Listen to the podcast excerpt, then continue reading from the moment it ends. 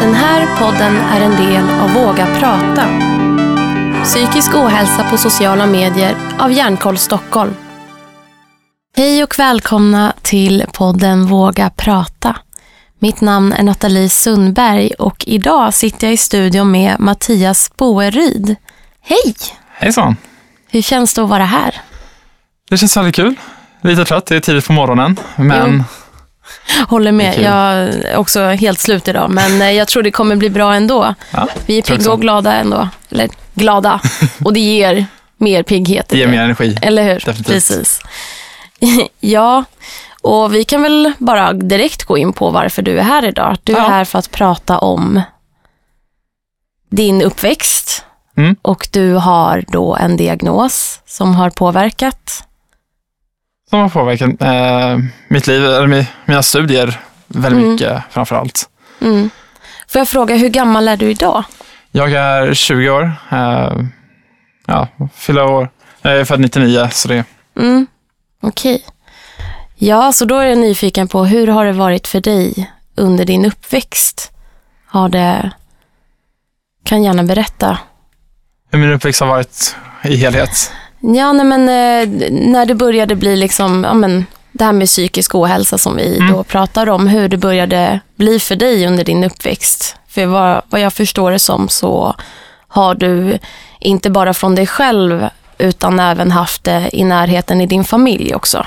Precis, min eh, pappa, eh, han har ju diagnosen eh, bipolaritet, eller typ, typen av cyklotomi. Eh, så det är kortare, intensivare perioder eh, utav vad man vanligtvis kan tänka sig av bipolaritet. Mm. Så han har hypomanier, eh, följd av depressioner inom omloppet av några eh, veckor bara. Eh, Då kan det bli rätt intensivt. Väldigt intensivt. Ehm, Och han har, haft det här, han har haft det här under hela ditt liv då, eller så länge du kan minnas? Ja, ehm, han fick eh, eh, diagnosen eh, ungefär när min storebrorsa föddes, eh, 96. Ehm, så det är ju över 20 år Mm. eh, som han har haft detta. Men i början så var det då väldigt eh, svårt för han hade inte eh, full koll på sin diagnos. Han hade inte fått rätt medicinering eh, och inte fått rätt hjälp som han behövde just då. Eh, och det påverkade oss i familjen. Ehm, men- jag har haft väldigt tur. Jag har uh, fokuserar väldigt mycket på mig själv hela tiden. Uh, så jag har inte uppmärksammat hans beteende aktivt i alla fall. Jag har blivit påverkad av det passivt, definitivt. Um, men jag har som sagt fokuserat på mig um, och gjort det som jag mår bra av. Um, men sen senare när jag, uh, jag eh, när jag gick i fyran, när jag var tio år då, så um, fick jag möjligheten att börja på Kungliga Svenska Balettskolan i Stockholm. Gud, kul. Eh, underbara år faktiskt. Eh, häftig utmaning och man gick i princip en professionell utbildning, en yrkesutbildning som tioåring. Okej, men då är det ballett du dansar då? Ballett. Gud vad kul, för det är så ovanligt att ja, men, träffa killar som dansar ballett. Det är så här oftast Ja. man ser i filmer, men inte så in real life. Så att, skitkul. Alltså det, det var balettdans varje dag med, eh, kombinerat med akrobatik, improvisation och även karaktärsdans, ofta ifrån eh, östeuropeiskt ursprung, eh, folkdans, folkdans är därifrån. Ehm, men väldigt snabbt så blev det väldigt tydligt att um, den utbildningen och den klassen som jag gick i var inte rätt för mig. Jag blev tidigt utfryst. um, blev sällan inkluderad och uh, jag blev även mobbad uh, av mina klasskamrater. Uh, vi var bara få killar i klassen, fem stycken totalt. Och så fort alla killar var på plats samtidigt så föll de tillsammans för ett, de föll för ett gemensamt grupptryck. Ehm, och då så, jag var vid sidan av så då så kunde de lätt hoppa på mig. Ehm, Det blir lättare när man är, när man är mindre grupp så blir så himla, man blir så himla utsatt när, Ja. när hela gruppen då Alltså, annorlunda än en hel klass för då kanske du har mer valmöjligheter. Liksom. Men hur gammal var du då när, du när det här skedde? Ja, det var från att jag var 10 till ungefär 12 år. Jag gick bara på balettskolan i drygt två år. Sen så fick jag nog, det var för mycket, det var för påfrestande för mig. Eh, jag började bli skoltrött. Det var tufft med lärarna, det var väldigt strikt. Um, Men att du blev skoltrött, det var mycket också påverkan av just mobbningen som försiggick? Uh, mobbningen och uh, den strikta utbildningen, det, det mm. påverkade mm. väldigt mycket för mig. Um, så jag valde att jag måste få någonting nytt och uh, jag har sett min storebrorsa, han gick i Täby musikklasser och jag fick möjligheten att börja där när jag gick i fyran, när jag, när jag skulle börja fyran. Så hade jag valet mellan balettskolan och Täby musikklasser och jag jag har satsat väldigt mycket på dans sedan jag var liten och det, jag har velat bli dansare hela tiden. Mm. Så det var det uppenbara valet. Men sen så, ja, men jag, sång kändes trevligt och det kändes som ett bra alternativ i detta. Eh, så då fick jag möjlighet att vara där. Men under högstadiet så fortsattes det på liknande sätt. Jag var inte inkluderad. Som tur var så blev jag inte mobbad eh, i klassen. Men eh, det påfrestade mig och jag började känna av att ja, min skoltrötthet, jag började känna av att studierna började bli svårt för mig också. Eh, det var svårare uppgifter. Det var inte bara liksom att okej, okay, eh, du ska ta och läsa den här boken så här många sidor och de här frågorna ska du ta och svara faktabaserat. Du behöver inte ta reflektera och motivera varför det är så. Det, det är väldigt sakligt. Mm. Eh, och just de delarna klarade jag av väldigt väl, att vara saklig. Men ja, det skapades nya utmaningar för mig som jag inte visste hur jag skulle hantera. Och tidigare så sa vi, konstaterade vi då att du har en di diagnos idag. Precis. Är det här någonting som du förstår idag har påverkat dig i skolan också under den åldern? Definitivt. Jag har diagnosen ADHD Eh, och jag märker tydligt hur det har påverkat mig eh, eh, under mina studier från högstadiet framför allt. Eh, jag har haft eh, väldiga koncentrationssvårigheter. Eh, jag har haft lätt att kunna vara med på lektioner. Jag har lätt att hänga med i kurserna vad, vad det är vi pluggar och eh, ja, ha fokus där på plats. Men så fort det gäller till att ta och skriva allting för hand när det är typ inlämningsuppgifter eh, som det är utdraget under längre perioder. Eh, då så kastas mina tankar runt om och om igen eh, och jag kan inte få en röd tråd. Det, det blir bara huller om buller alltihop. Mm. Eh, men när det blev som svårast då i skolan, hur gammal var du då ungefär? när det var som svårast, det var i gymnasiet faktiskt.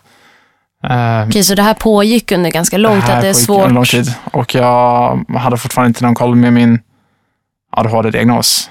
Eh, det var väldigt sent som jag fick min diagnos faktiskt. Eh, jag fick den strax efter att jag hade fyllt 19. Så ja, det, ungefär det är inte så länge sedan. Det är ungefär ett år sedan bara. Men om vi backar tillbaka lite ja. där. Hur, i det här att vara i skolan och ha svårt att koncentrera sig och hade din pappa någonting med bilden att göra, liksom att det var svårare för dig under den högstadiet där?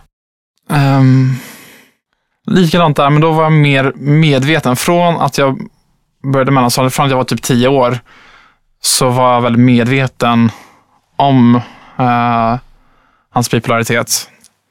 Jag såg tydligare när han uh, kom i nästa fas. Uh, och för mig så, jag var alltid orolig när han hamnade i sina depressioner. Eh, när jag var yngre så kunde det vara väldigt extrema eh, symptom som han hade. Han kunde vara sängliggandes i några veckor. Nu så är det möjligt att han är nedstämd och behöver tid att återhämta sig hemma. Ehm, men just att jag har de minnena av att han var sängliggandes i en vecka och inte hade lust att göra någonting. Det, det blev ju ett orosmoment. Liksom, kommer han okay, kommer han vilja äta middag tillsammans med mig och min, min storebror?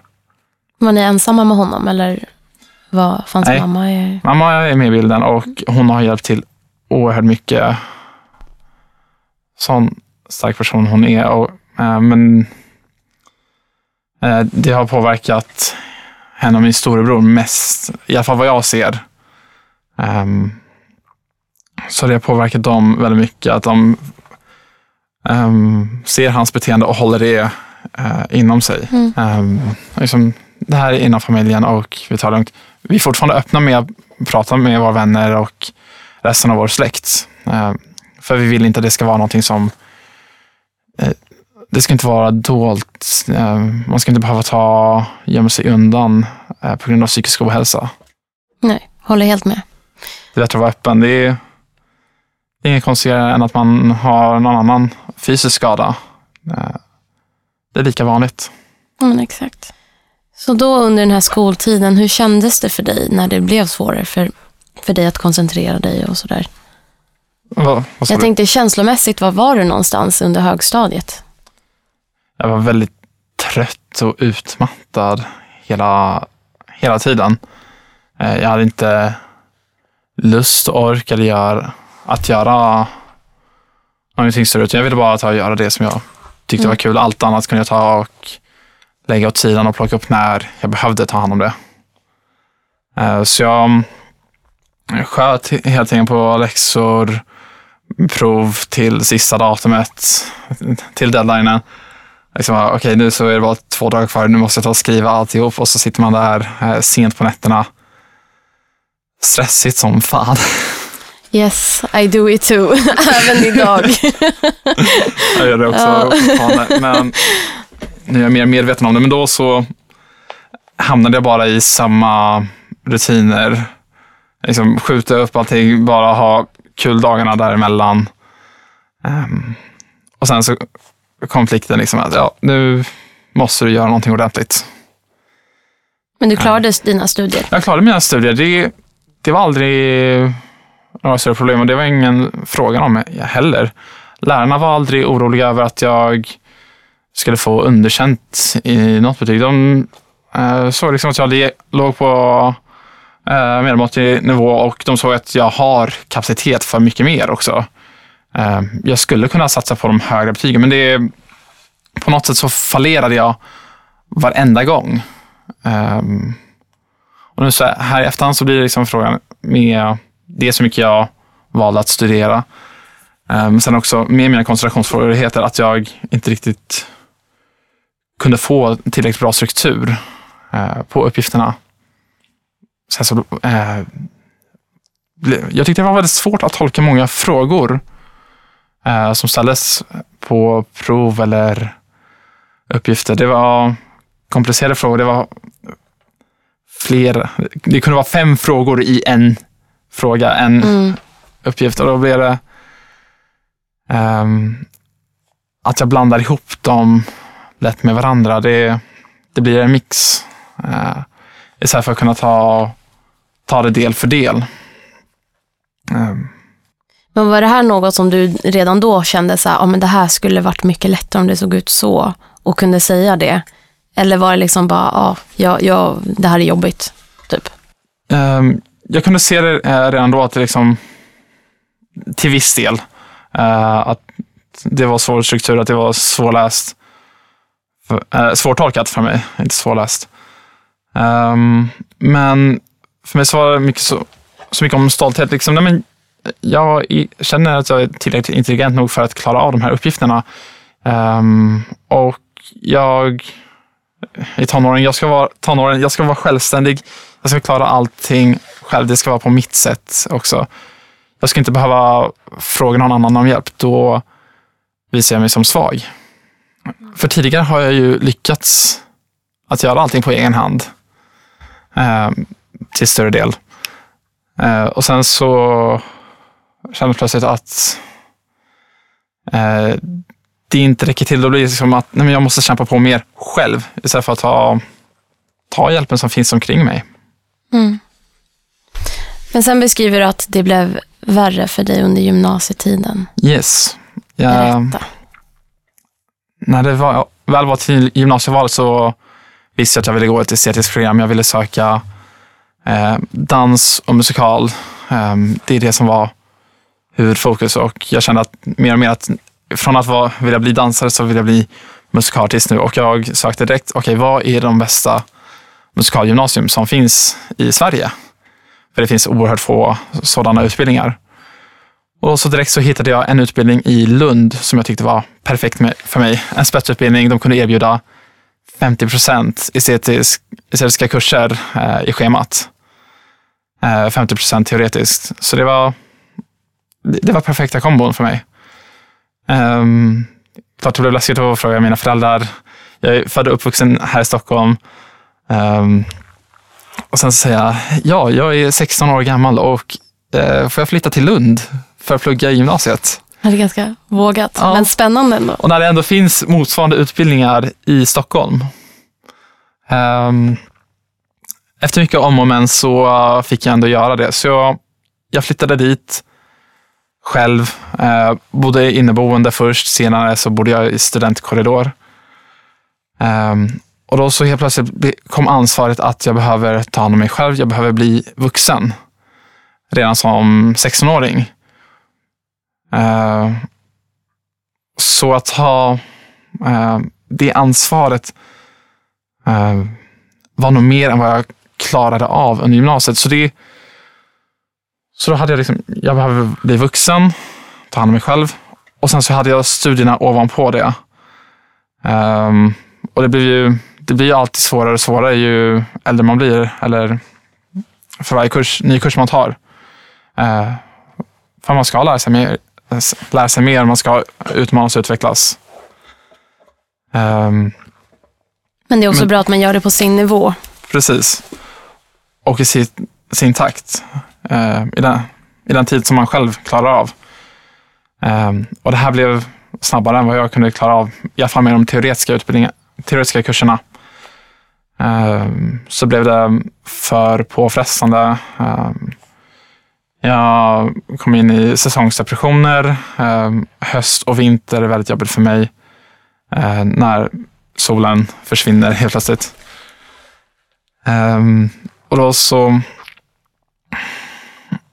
då så blev det tuffare att klara av skolan. Det, för mig så blev det till slut lättare att undvika alltihop. Eh, så jag kunde ta stanna hemma eh, periodvis. Bara för att undvika vissa deadlines eller undvika vissa lärare eller kurser. Så det blev avståndstagande istället? Ja. För att kunna liksom hantera allting? Precis. Mm. Uh, så det blir mer och mer tydligt att det var problem och att jag behövde hjälp då. Jag hade ju inte längre föräldrarna i närheten. Det är, det är mer än fyra timmars tågresa ifrån. Um, det låter som ett väldigt liksom, utsatt läge. Du hoppade rakt in i, ja, men bara det här med att börja gymnasiet är en mm. jättestor grej. En helt omställning där i studier och sen men flera mil från föräldrar, ny stad och även själv på det. Mm. Och sen det här bakomliggande koncentrationssvårigheter sen tidigare. Precis. Eh, det låter som ett väldigt utsatt läge. Definitivt. Och sen dessutom så kände jag knappt någon i Skåne överhuvudtaget. Eh, just när jag började så hade jag en kusin som, eh, hon bor fortfarande i Helsingborg som var närmsta kontakten. Och, eh, visst, jag har god relation med henne, men det är ingen nära relation på det sättet. Så helt ny i en stad, ett helt nytt liv. Ja, oh, shit, det låter som en stor grej att ge sig på när man är 16 år gammal. Men eh, ja, du, du körde på och när det blev som värst då, när du började ta avstånd, mm.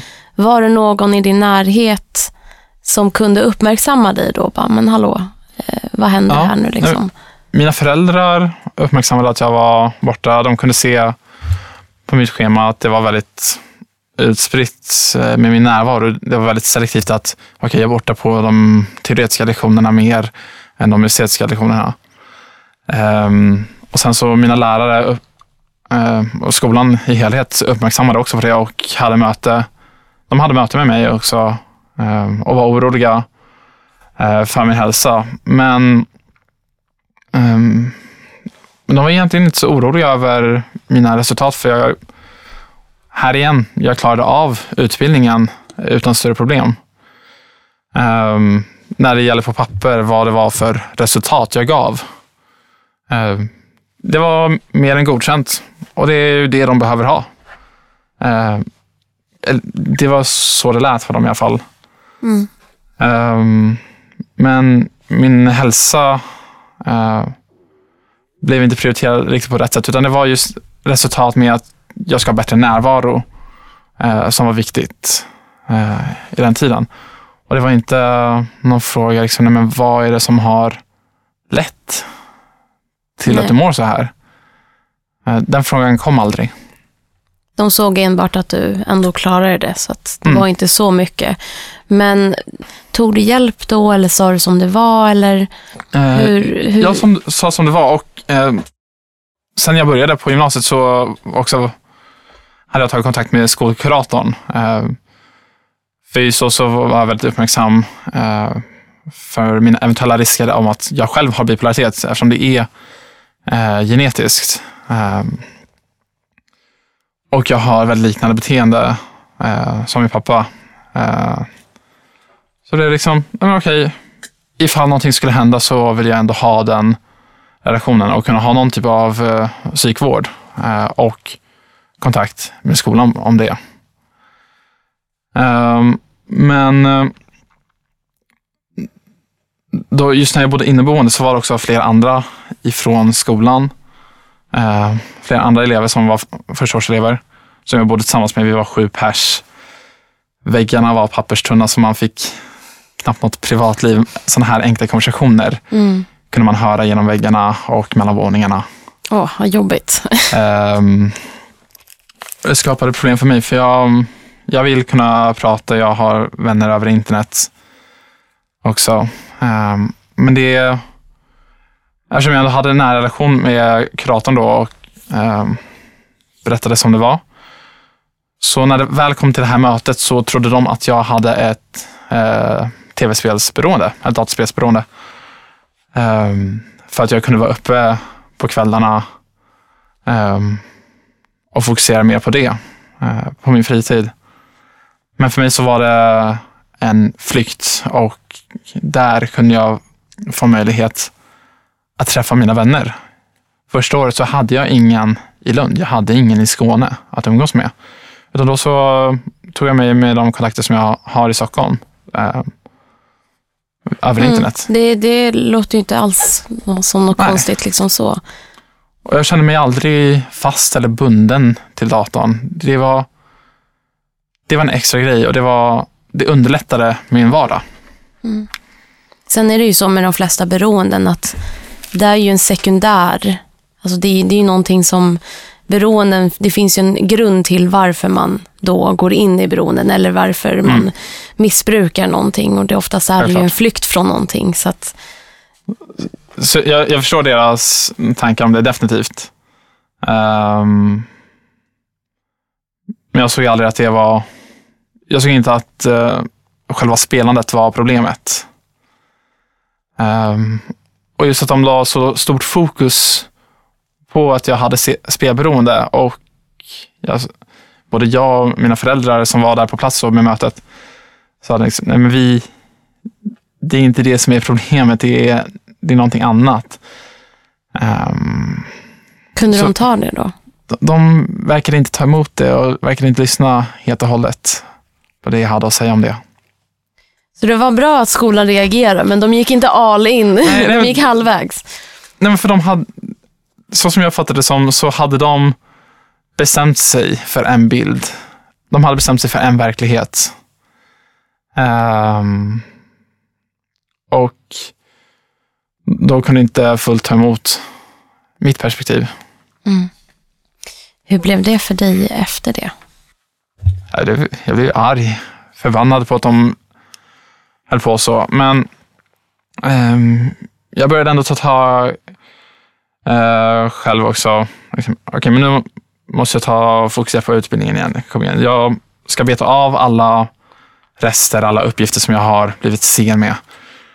Um, så att jag kan gå ut första året utan att ha någonting kvar till nästa, eh, till andra året i gymnasiet. Men sen så fortsatte det, så kom jag in i samma vanor igen eh, varje år. Och det var inget som ändrades från eh, skolan där? Eller liksom. Nej, ingenting som ändrades där. Um, det som blev lite annorlunda, det var just sista året på gymnasiet.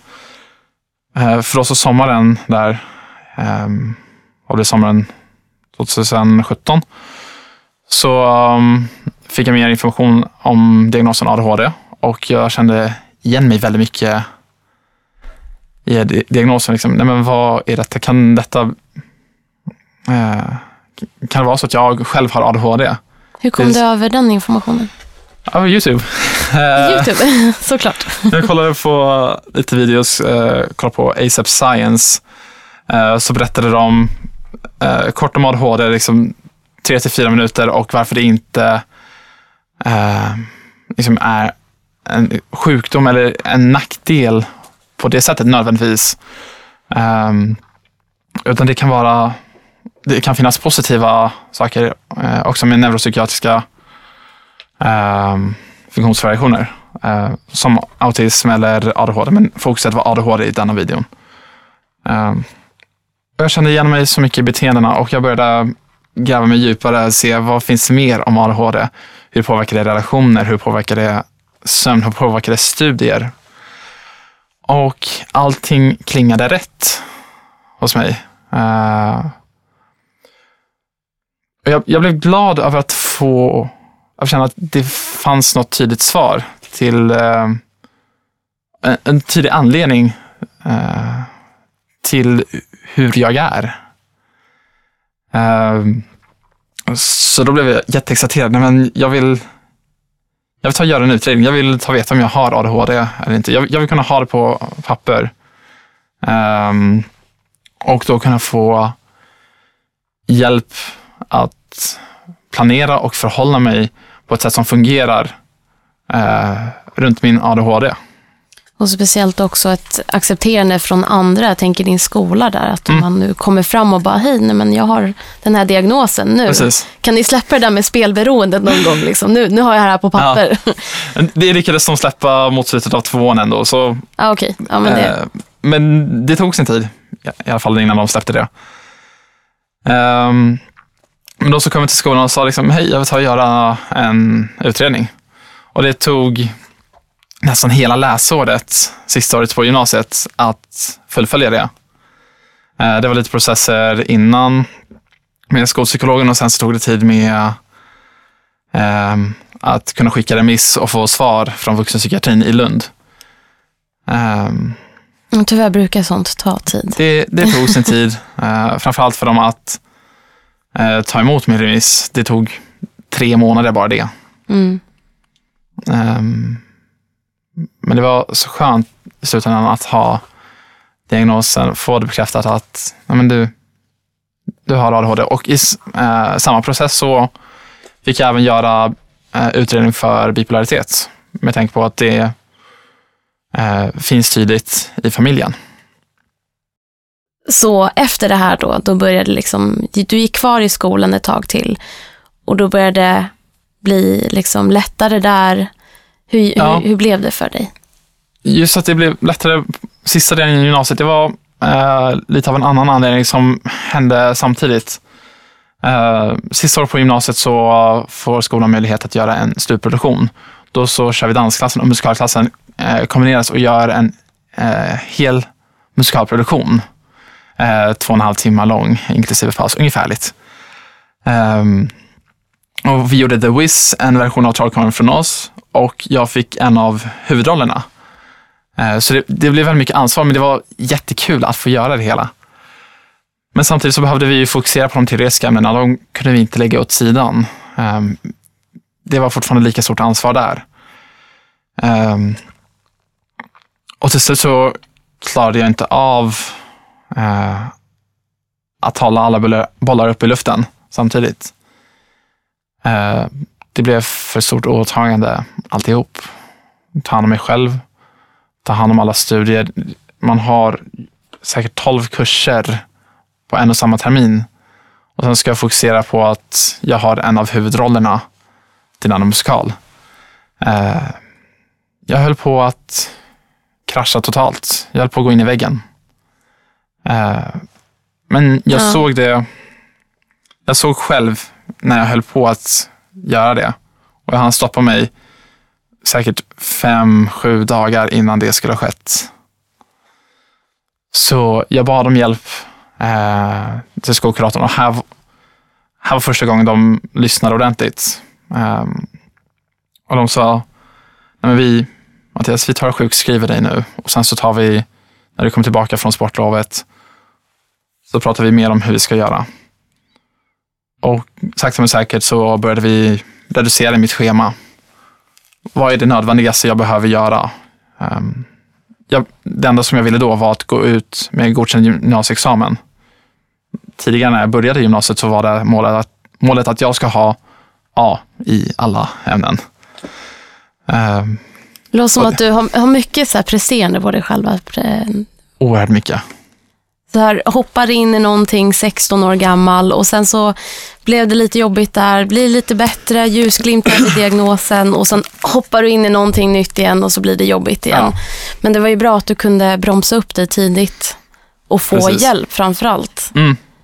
Så efter det, Så då eh, hade jag reducerat mitt schema till de viktigaste kärnämnena. Allting som jag hade fått, redan fått godkänt i, det la jag av helt och hållet med, oavsett om det var roligt eller tråkigt. Um, och sen så till slut så var jag kvar bara med dem. Eh, några teoretiska kurser, några sångkurser som jag tyckte var roligt att hålla på med. Och jag pluggade på 50 procent sista tre månaderna i gymnasiet. Eh, och jag tror att det var ett av de bästa besluten jag gjorde i gymnasiet. Att eh, minska kraven för mig själv, minska uppgifterna, eh, antalet uppgifter och att omprioritera. Omprioritera till det viktigaste för mig. Eh, någonting som jag ändå har vetat om, även om jag strävar för mycket prestige och att uppnå så mycket som möjligt så kommer min hälsa före allt. Men, mm. mental eller Dagens fysisk. Fortsätt, Ja, förlåt. nej, mental eller fysisk hälsa, det kommer alltid först för mig. Eh, Och jag har behövt lära mig att fortsätta prioritera det. Så jag berättade om nu innan med eh, kören exempelvis, innan vi började med podden. Eh, nu så um, behövde jag omprioritera det också. Min, eh, mitt deltagande i min fritidskör, det tog mer energi än vad det gav. Eh, det var mer press och stress än vad det gav mig glädje. Mm. Så då behövde jag prioritera bort det. Ja, det är jätteviktigt. Även om det är tråkigt, man verkligen vill, Ja. så måste man ändå tänka på sin hälsa. Även om man vill tycka om det. Ja, jo men precis. Det har du helt rätt i. Så efter det här, du började gå ner i, i procent i skolan. Blev det bra därefter? Lyckades Det- du med studierna? Det blev jättebra. Det var, det var precis det jag behövde för att klara resten av utbildningen. Eh, jag klarade kurserna alldeles utmärkt. Jag fick godkänd gymnasieexamen eh, och det var endast en kurs som jag behövde ta FI och det var som jag valde. Jag valde att ta ett FI i samhälle. Jag kände att om jag behöver det betyget så kan jag plugga upp det på komvux. Eh, men det är inte det jag behöver fokusera på nu. Nej. Fan vad Äh. grymt. Och så gick jag ut och fick även ett stipendium eh, i avslutningen på Okej. studenten. Gud vad roligt. Ehm, för ehm, eh, eh, min prestation i dans och musikal då, på skolan. Men hade du fortsatt då med den här musikalen? Eller hade Ja, du jag, lagt den? Du fortsatte? jag med fortsatte med musikalen. Det var, jag valde bort allt annat och valde att nu ska jag fortsätta med musikalen. Det har jag velat göra från början och det här är roligt. Det är givande. Det tar inte bara energi, utan det var givande. Mm. Det är viktigt med sådana delar också i ens liv. Ja. Ja. Gud vad kul. Skithärligt att Ja. höra hur du bara så ler, du bara lyser upp här i studion. Det är så kul att se. Man blir så himla, man tar åt sig själv av det. Det är skitkul. Härligt att dela Eh, med sig. ja, men det är det man ska göra. Eh, men jag tänkte lite så här, om du nu backar tillbaka och tänker, om jag skulle fått hjälp, vad skulle jag behövt och när skulle jag behövt det? Jag tror att det som hade varit viktigast för mig är, jag hade behövt hjälp med studierna. Jag hade behövt hjälp med studieteknik. Hur, hur ska jag plugga på ett bra effektivt sätt som fungerar för mig också? Saker som fungerar för vissa personer betyder inte att de metoderna funkar för mig också. Man måste hitta sin väg och man har inte svaren själv heller.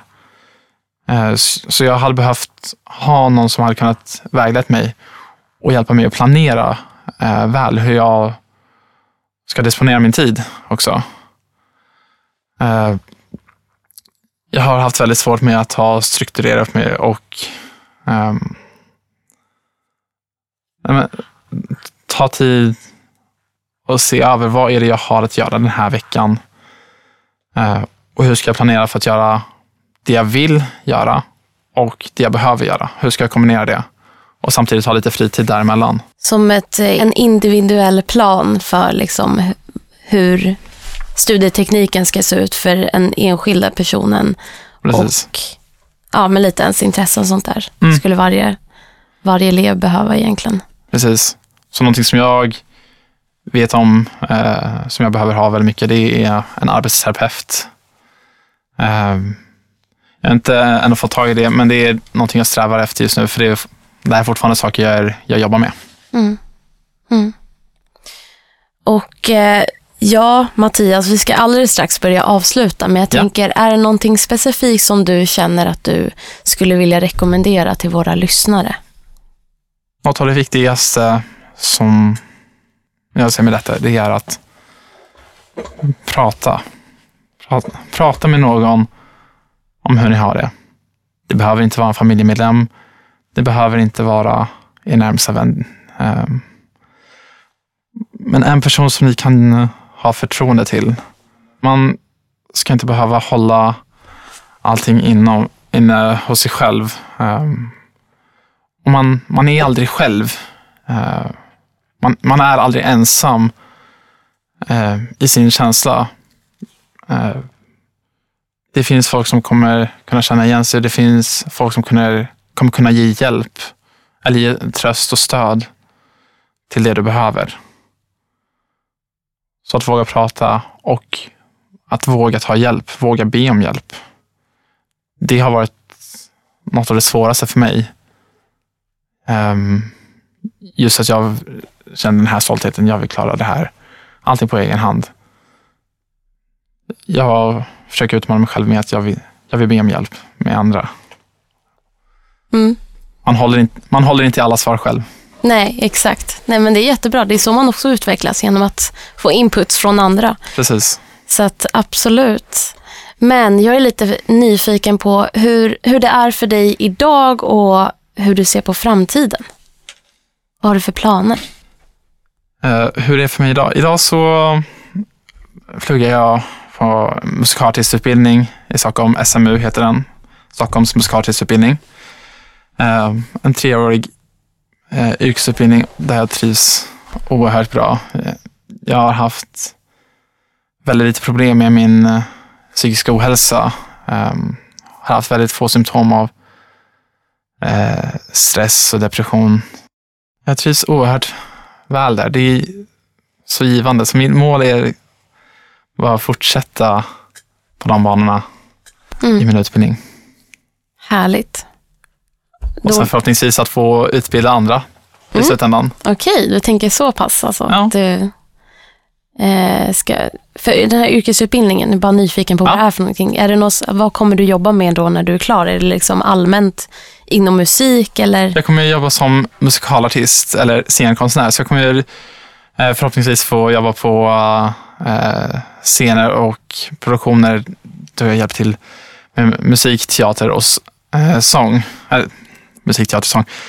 Eh, musik, teater och dans eh, kombinerat på scen eh, i produktioner som exempelvis eh, Rent, Les Misérables, typiska musikaler, är nu eh, en av de stora svenska succéerna.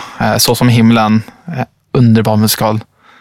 Jag har inte sett den. Jag går inte, så på, jag går inte så på mycket musikaler, men det Nej. kanske skulle vara något roligt att testa ändå. Det är ju kul Någonting med jag rekommenderar. Ja. Det är bra musik och eh, väldigt ofta bra musik och eh, de berättar berörande berättelser också. I och för sig, jag var på Pippi teater ja. häromdagen. Då var det musikal, då var det med sång och Precis. dans. Men det var ju helt fantastiskt. Med, med Lillan var jag då, ja. med min dotter. så att det var jättekul. Så det, ja, lätt, det ska jag ta med mig från idag, att gå på mer musikaler. Men eh, nu ska vi i alla fall avsluta podden mm. och jag vill tacka dig så mycket Mattias för att du kom hit idag. Det var superkul att ha dig här och få att du delar med dig av dina mm. erfarenheter och den här positiva energin som är här. Det är härligt. Det är jättekul. Tack själv. Det här har varit jätteroligt. Ja. Verkligen. Vill du veta mer om oss på Våga Prata? Gå in på www.vagaprata.nu. Våga Prata görs med hjälp av produktionsbolaget Munk. Vissa saker de går i kras. Du kan slå dem sönder och se alla bitar faller